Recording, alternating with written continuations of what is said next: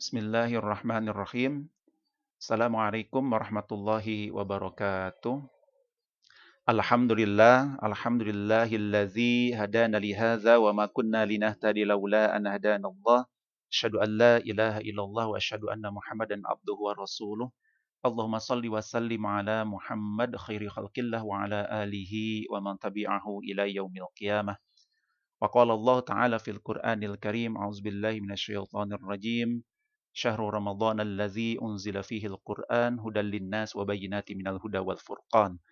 Wa qala Allah aidan أيها الذين rajim. Ya ayyuhalladzina amanu taqullaha wal tanzur nafsum ma qaddamat lighad wattaqullaha innallaha khabirum bima ta'malun. Alhamdulillah, segala puji bagi Allah yang maha mengetahui segala kesibukan kita segala kesibukan aktivitas kita dari satu pekan terakhir sampai hari ini. Segala puji bagi Allah yang maha mengetahui segala keinginan, segala harapan dan juga segala cita-cita dari para hamba-hambanya. Dan juga segala puji bagi Allah yang maha mengetahui segala keluh kesah, segala kegelisahan dan juga segala kegundahan di hati para hamba-hambanya. Salat salam semoga tercurah kepada junjungan alam Nabi besar Muhammad sallallahu alaihi wasallam. Ikhwati fillah rahimakumullah. Alhamdulillah pada kesempatan kali ini kita bisa dipertemukan kembali di dalam pengajian rutin kita di mana insya Allah pada hari ini kita akan membahas tentang al-imanu bil Quran. Ya. Bagaimana tuntutan keimanan kita kepada Al-Qur'an. Ya. Di dalam salah satu hadis Rasulullah Shallallahu Alaihi Wasallam mengatakan, ya, An Aisyah radhiyallahu anha qalat qala Rasulullah sallallahu alaihi wasallam al-mahir bil Qur'an ma'as safaratil kiramil bararah wallazi yaqra'ul Qur'an wa yata'ta'u fihi wa huwa alaihi syaqun lahu ajrani Ya, dari Aisyah radhiyallahu anha berkata bahwa Rasulullah SAW itu pernah bersabda di satu kesempatan. Rasulullah SAW mengatakan, Al-mahir bil Qur'an ma'as safaratil kiramil barara. Jadi orang yang sudah ahli di dalam Al-Quran, ya, itu akan berada bersama para malaikat, ya, para malaikat pencatat yang mulia dan juga yang memegang teguh kebenaran. Nah, menurut para ulama bahwa yang ahli dalam Al-Quran ini pertama adalah orang yang sudah lancar di dalam membaca Al-Quran, bahkan bisa mentadaburinya, bisa memahaminya, dan juga yang paling penting itu bisa mengamalkannya di dalam kehidupan kehidupan sehari-hari. Dan dia akan bersama orang-orang, bukan hanya orang-orang, tapi akan bersama dengan makhluk Allah yang paling mulia, yaitu di para para, para malaikat yang paling mulia di sisi Allah Subhanahu wa taala. Nah, tetapi hadis ini ada, ada, ada terusannya, ya. Bagi mereka yang berpikir bahwa waduh, Ustaz ini gimana nih? Saya mah belum lancar baca Qur'annya, berarti saya tidak bisa mendapatkan kemuliaan itu. Nah, tetapi di dalam hadisnya Rasulullah SAW melanjutkan, "Wallazi yaqra'ul Qur'an wa yata'ata'u fihi wa huwa 'alaihi syaqun." Jadi dan juga bagi mereka ya dan juga bagi mereka yang membaca Al-Qur'an tapi waya ta'u fihi membacanya masih terbata-bata membacanya masih sulit membacanya belum lancar. Wahwa alaihi syakun. Dan juga dia itu sampai bersusah payah gitu di dalam mempelajarinya ya. Berat gitu lama gitu lama nempelnya ya. Lama untuk pahamnya lama untuk bisa mengertinya misalnya Nah, maka lahu ajroni. Kata Rasulullah SAW, baginya, yaitu bagi mereka yang tadi membacanya masih lambat, membacanya masih belum lancar, membacanya masih perlu waktu lama, gitu, di mana orang lain satu halaman Al-Quran itu cepat dalam berapa menit, dia mungkin satu halaman itu oh, bisa berjam-jam, karena satu ayat, dua ayat yang dia baca saja mungkin perlu waktu beberapa menit, saking bersusah payahnya di dalam di dalam belajar belajar Al-Qur'an. Nah, maka di sana Rasulullah SAW mengatakan lahu ajrani.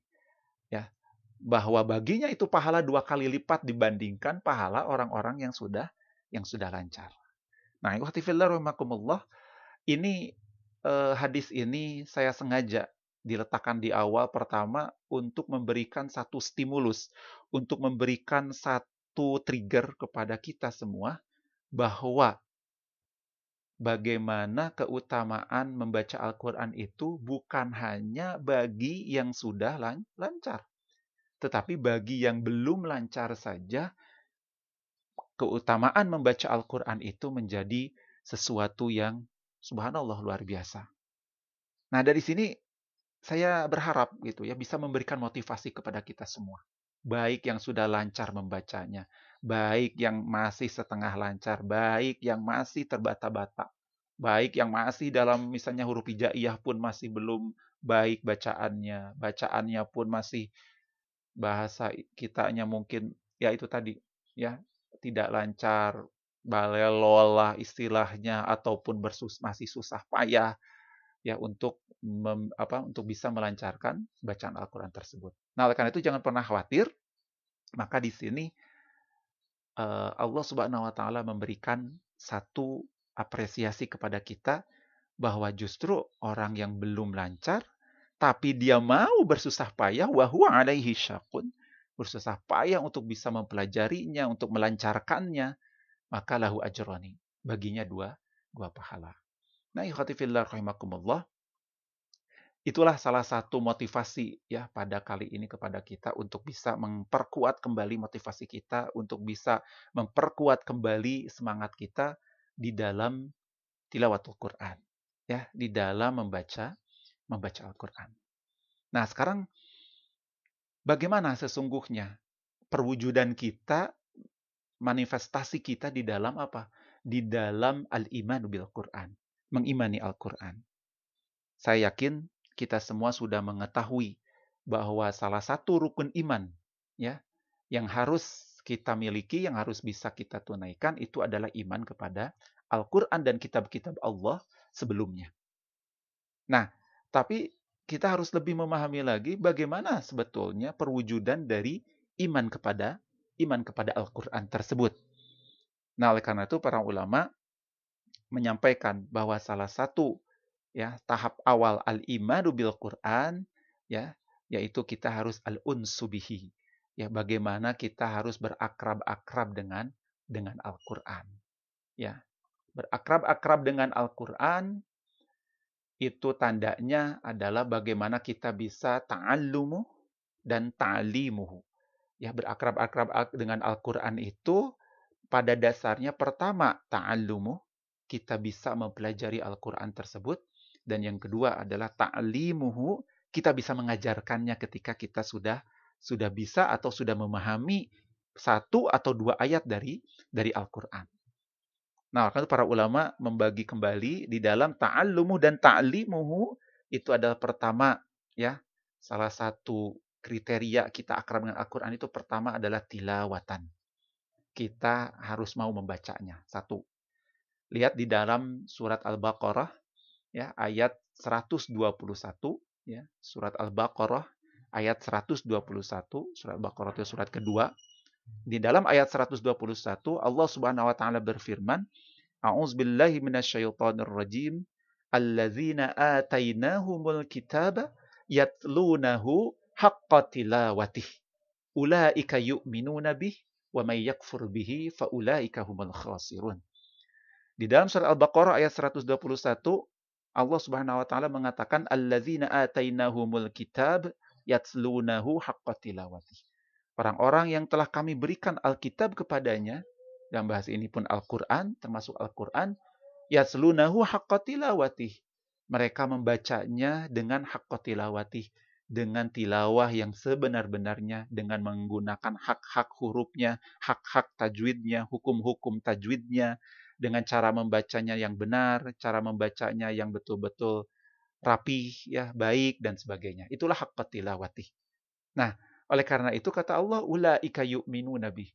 Orang-orang yang mau membaca Al-Qur'an dengan benar, dengan prinsip-prinsip, dengan hukum-hukum yang se apa yang seharusnya, maka kata Allah ulaika yu'minu nabi.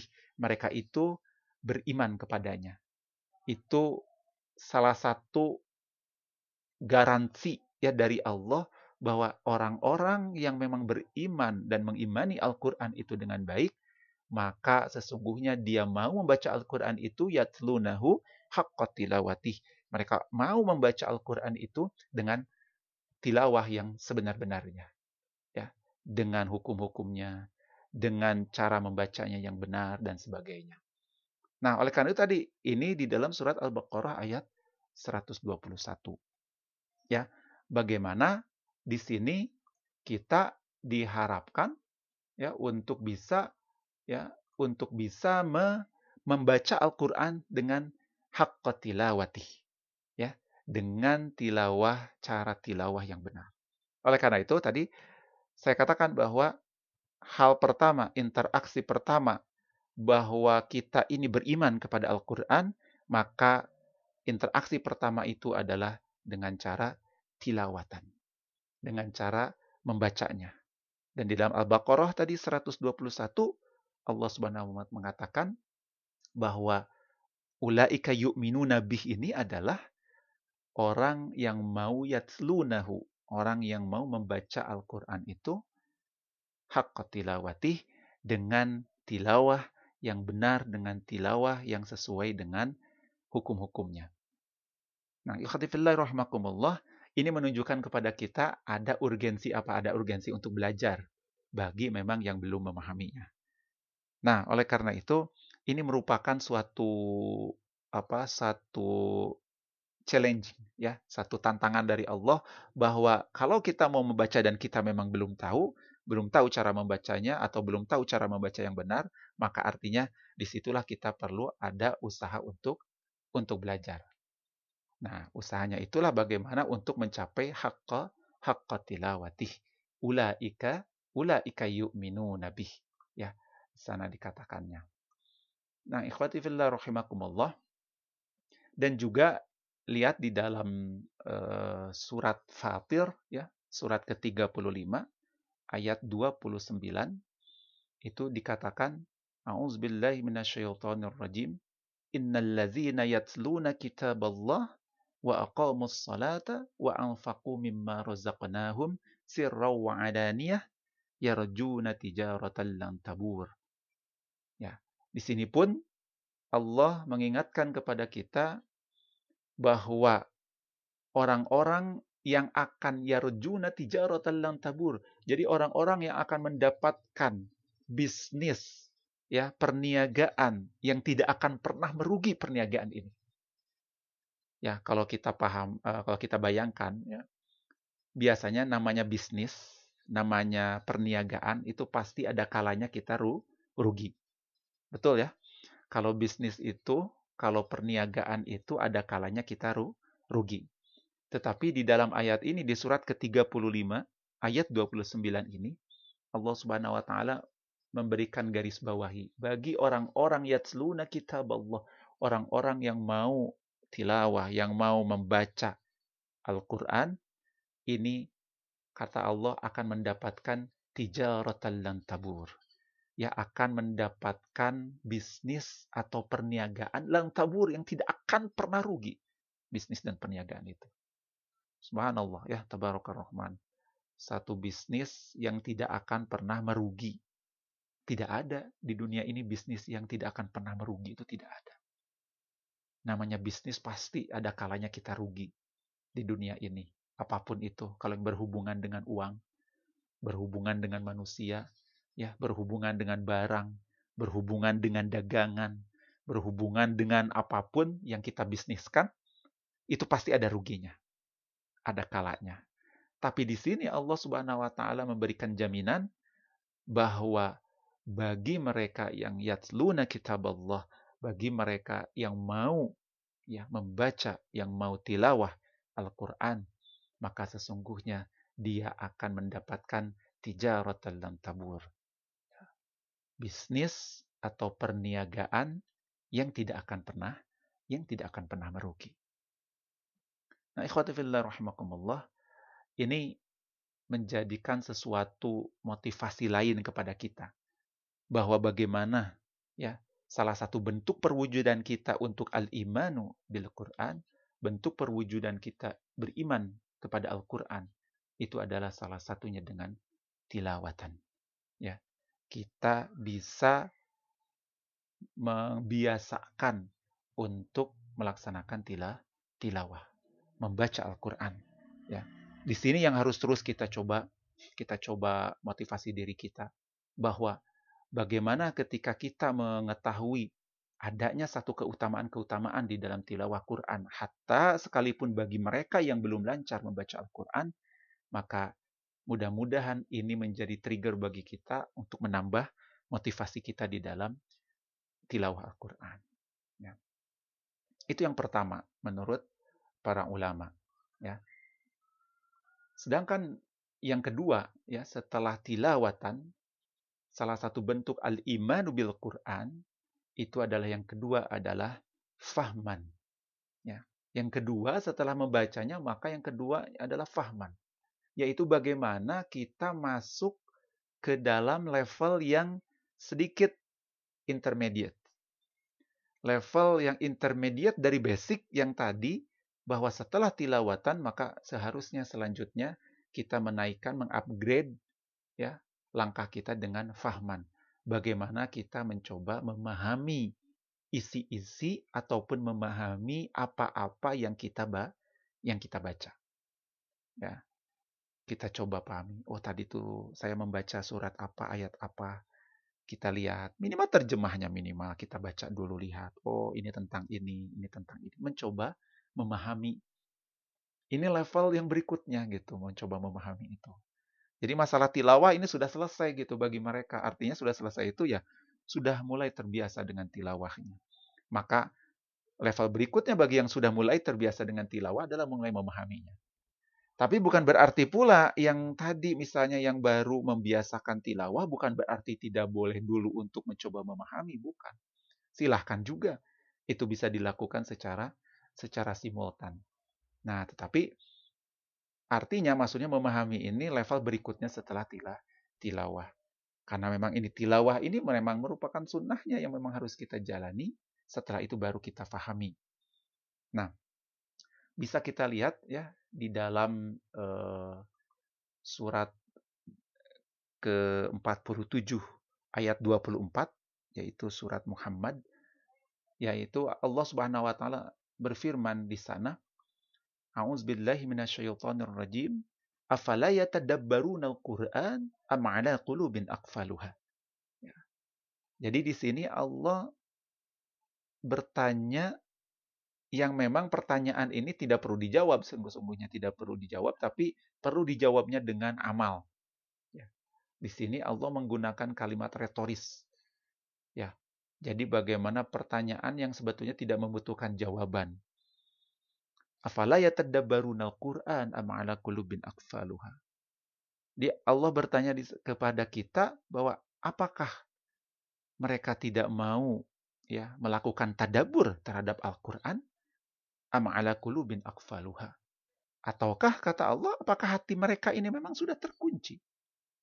Apakah hati mereka ini memang sudah betul-betul keras? Apakah hati mereka ini betul-betul memang sudah tidak mau menerima kebenaran? Surat ke-47 ayat 24 yaitu surat Muhammad ayat 24. Nanti bisa diperhatikan di Al-Qur'an ya. Ini Allah seperti menyindir dan juga sekaligus peringatan kepada mereka kepada kita yang belum mau melakukan tadabbur. Ya. Oleh karena itu insya Allah kajian-kajian kita ke depan ini akan kita coba tadaburi ya Al-Quran itu, ayat-ayat Al-Quran itu dengan tema-tema tematis. Ya, insya Allah. Jadi kita mulai sekarang ini dengan tema al-imanu bil Quran. Kita mulai tema dengan bagaimana Al-Quran.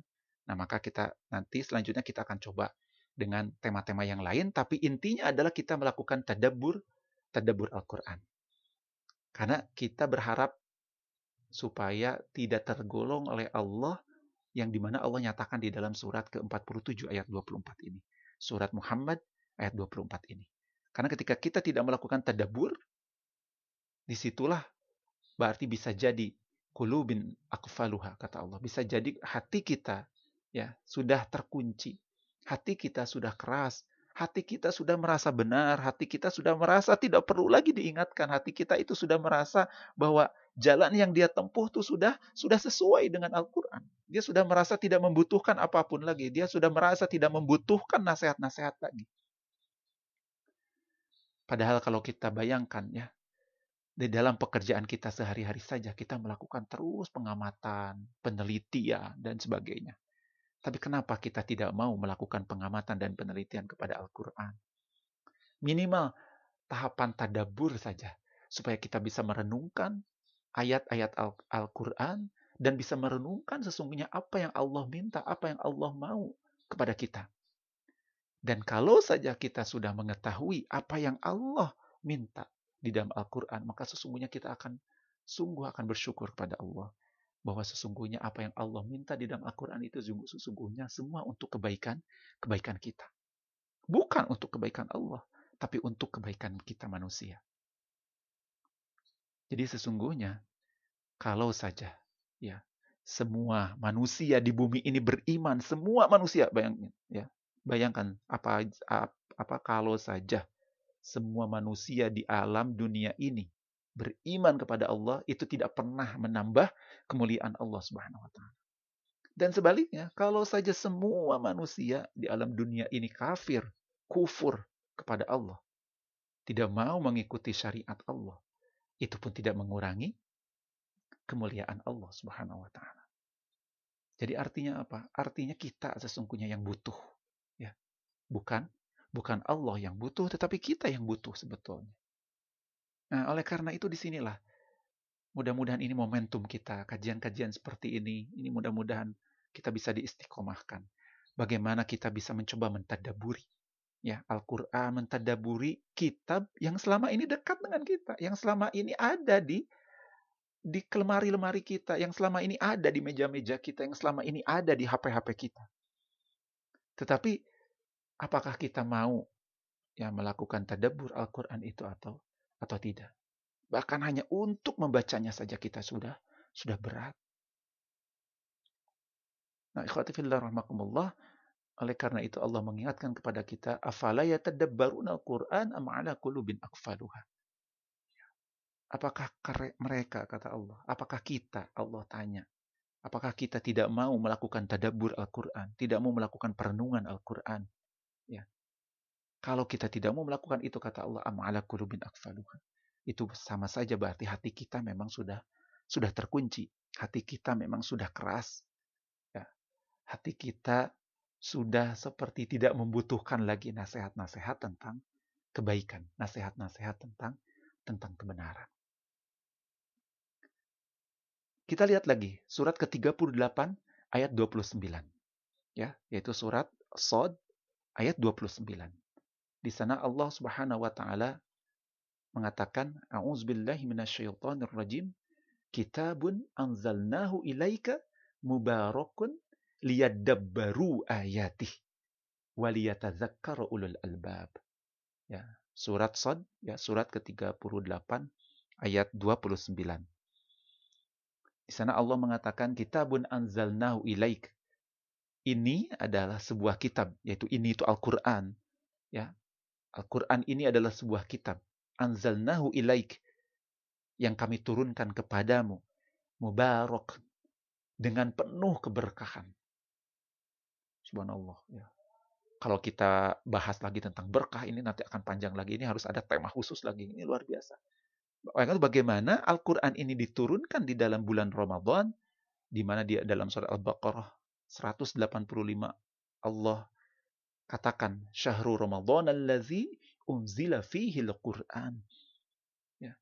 Dan juga ketika Rasulullah SAW berkata kepada sahabatnya, Qad ja'atkum Ramadan syahrun mubarak.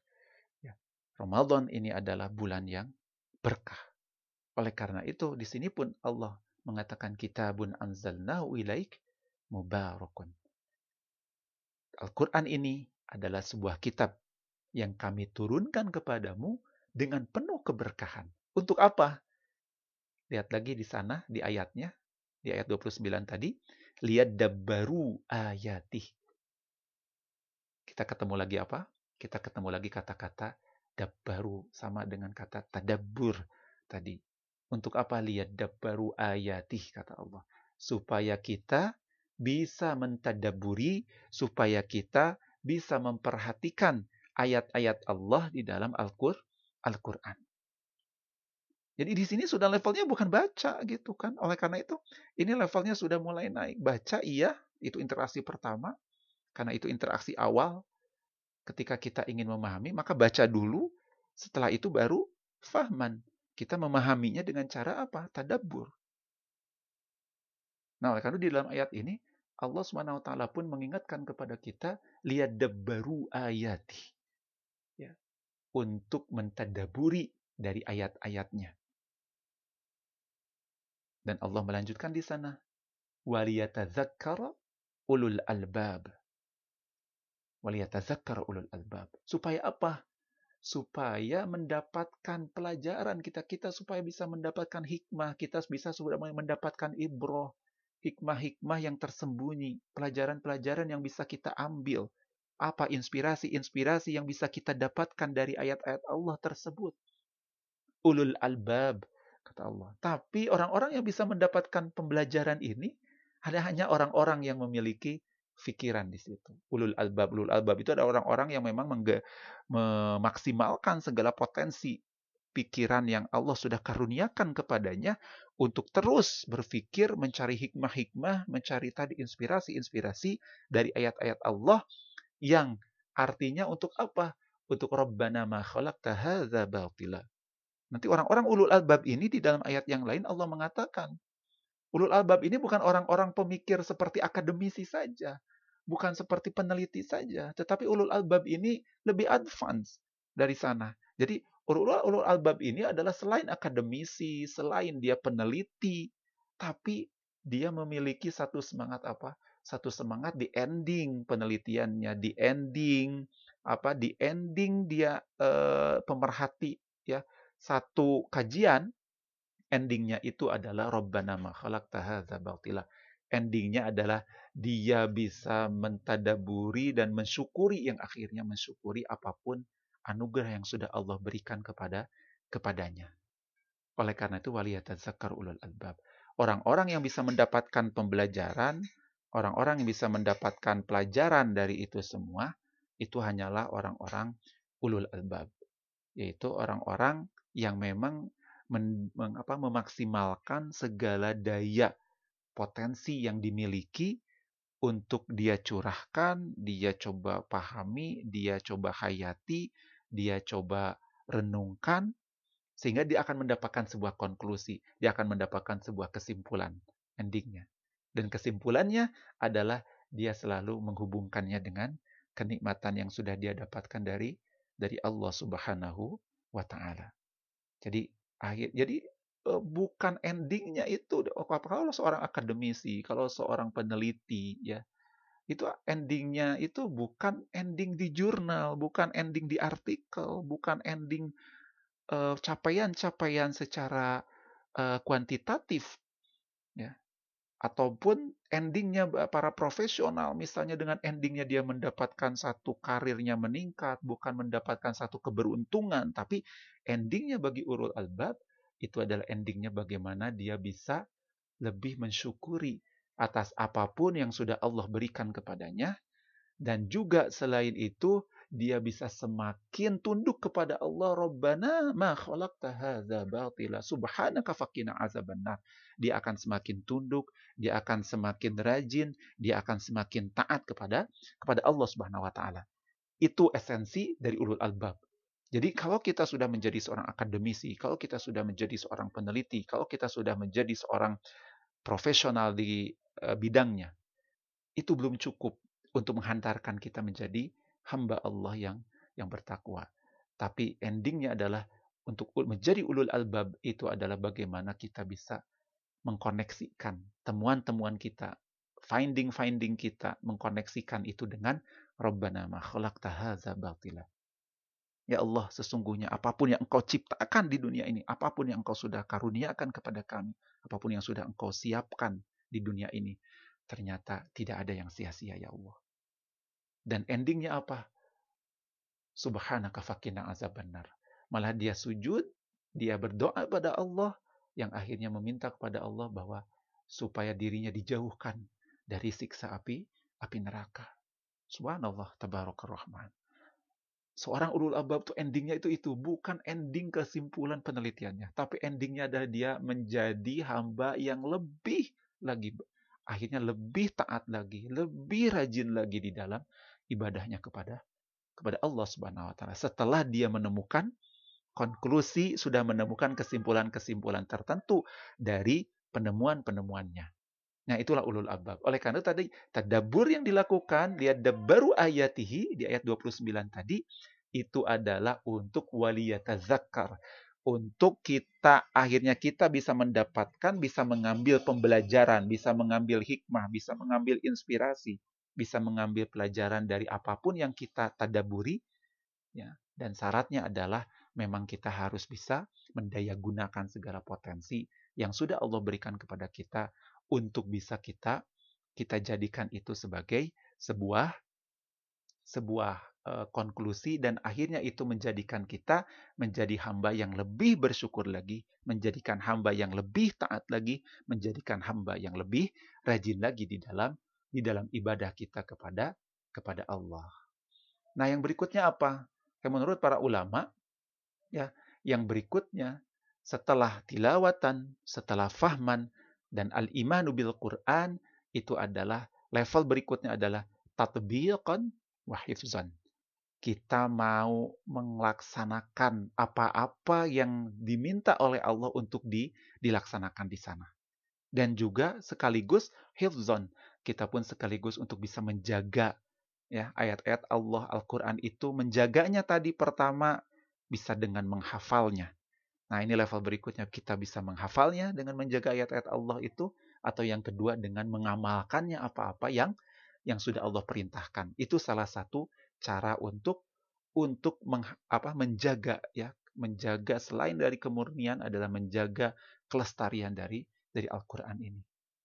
Jadi pertama menghafal untuk menjaganya itu dan juga yang kedua untuk bisa tatbiqan untuk bisa melaksanakannya, untuk bisa mengamalkannya.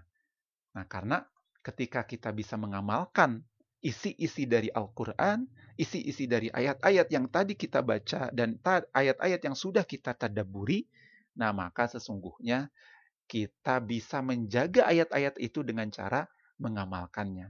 Sehingga kita itu minimal ada beberapa ayat dalam Al-Quran dan kita sudah mengamalkannya seperti ayat-ayat yang berjalan ya diri kita itu. Karena kita sudah mengamalkannya. Kita sudah mengamalkannya. Apa yang Allah perintahkan A B C itulah dengan salah satu cara cara menjaganya ya nah oleh karena itu di dalam surat Al-Isra ya surat ke-17 ayat 106 Allah Subhanahu wa taala berfirman wa Qur'anan faraqnahu litaqra'ahu 'alan nasi 'ala muqsiw wa nazzalnahu tanzila. Dan sesungguhnya kata Allah Al-Qur'an itu telah kami turunkan dengan berangsur-angsur. Ya. Ya, litaqra'ahu 'alan nasi supaya kamu bisa membacakannya kepada manusia secara perlahan-lahan juga. Ala muksim. Ya, jadi Al-Qur'an itu karena turunnya memang berangsur-angsur, tidak sekaligus, Bu, ya. Tidak sekaligus satu Al-Qur'an 30 juz gitu, tetapi berangsur-angsur. Al-Qur'an diturun, diturunkannya. Litaqra'ahu 'ala nasi 'ala muksin. Supaya kita pun bisa melaksanakannya, mengajarkannya, bisa mengamalkannya dan bisa mengajarkannya kepada manusia yang lainnya. Supaya sedikit demi sedikit oleh karena itu tadi ketika kita belajar mentadaburi Al-Qur'an, kita coba sedikit-sedikit apa yang sudah bisa kita laksanakan, kita amalkan. Ya, sedikit-sedikit. Tapi yang belum yuk kita coba sama-sama ya, sedikit-sedikit kenapa belum bisa dilaksanakan, apa beratnya di sini. Kita diskusikan, kita cari solusi terbaik supaya setiap hari-hari yang kita lalui, setiap minggu-minggu yang kita lalui, setiap bulan-bulan yang kita lalui, akhirnya ada ayat-ayat Al-Quran yang akhirnya berangsur-angsur dan perlahan-lahan kita bisa bisa laksanakan. Wanazalnahu tanzil. Tanzila. Ya. Dan juga kata Allah, kami menurunkannya bagian demi bagian.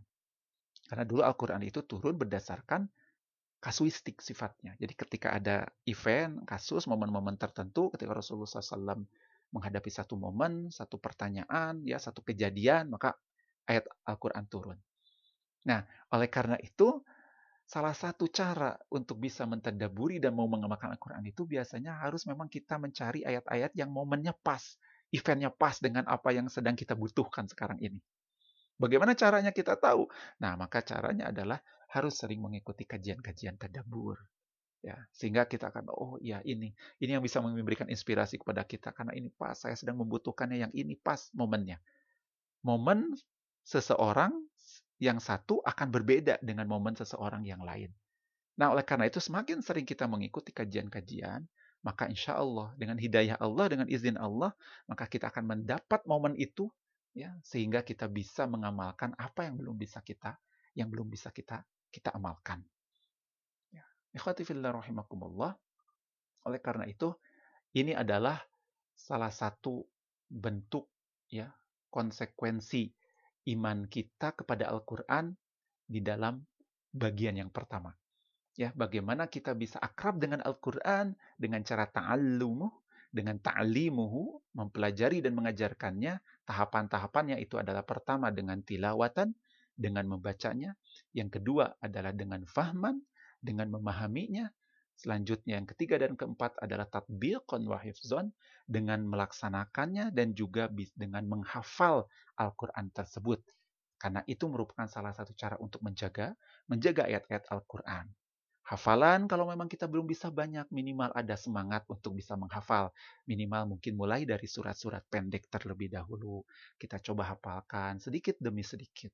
Ya, meskipun mungkin kita bisa mungkin kita tidak bisa sampai 30 juz, tapi minimal ada semangat untuk menghafal tersebut yang insya Allah itu Allah akan nilai sebagai salah satu bagian dari semangat untuk hifzon.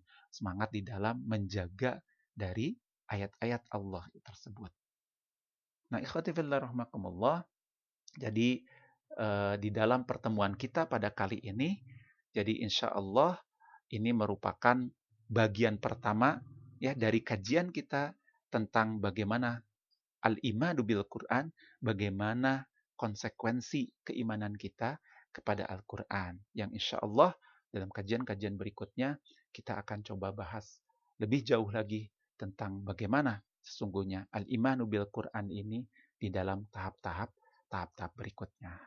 Mudah-mudahan ada manfaatnya dan mohon maaf kalau ada kesalahan luruskan niat kita, sempurnakan ikhtiar kita, dan tetap bersemangat untuk selalu terus memperbaiki diri kita. Jadikan hari ini harus bisa lebih baik daripada hari kemarin, dan jadikan hari esok harus bisa lebih baik daripada hari ini dan hari kemarin. Jadilah orang-orang sukses, orang-orang yang mengetahui kekurangan dirinya, dan dia berusaha untuk memperbaiki kekurangan-kekurangannya itu. Jangan menjadi orang pengecut, orang yang tidak tahu kekurangan dirinya dan dia tidak pernah mau tahu apa yang menjadi kekurangan di dalam dirinya sehingga dia merasa cukup dan cukup dengan apa yang ada di dalam dirinya.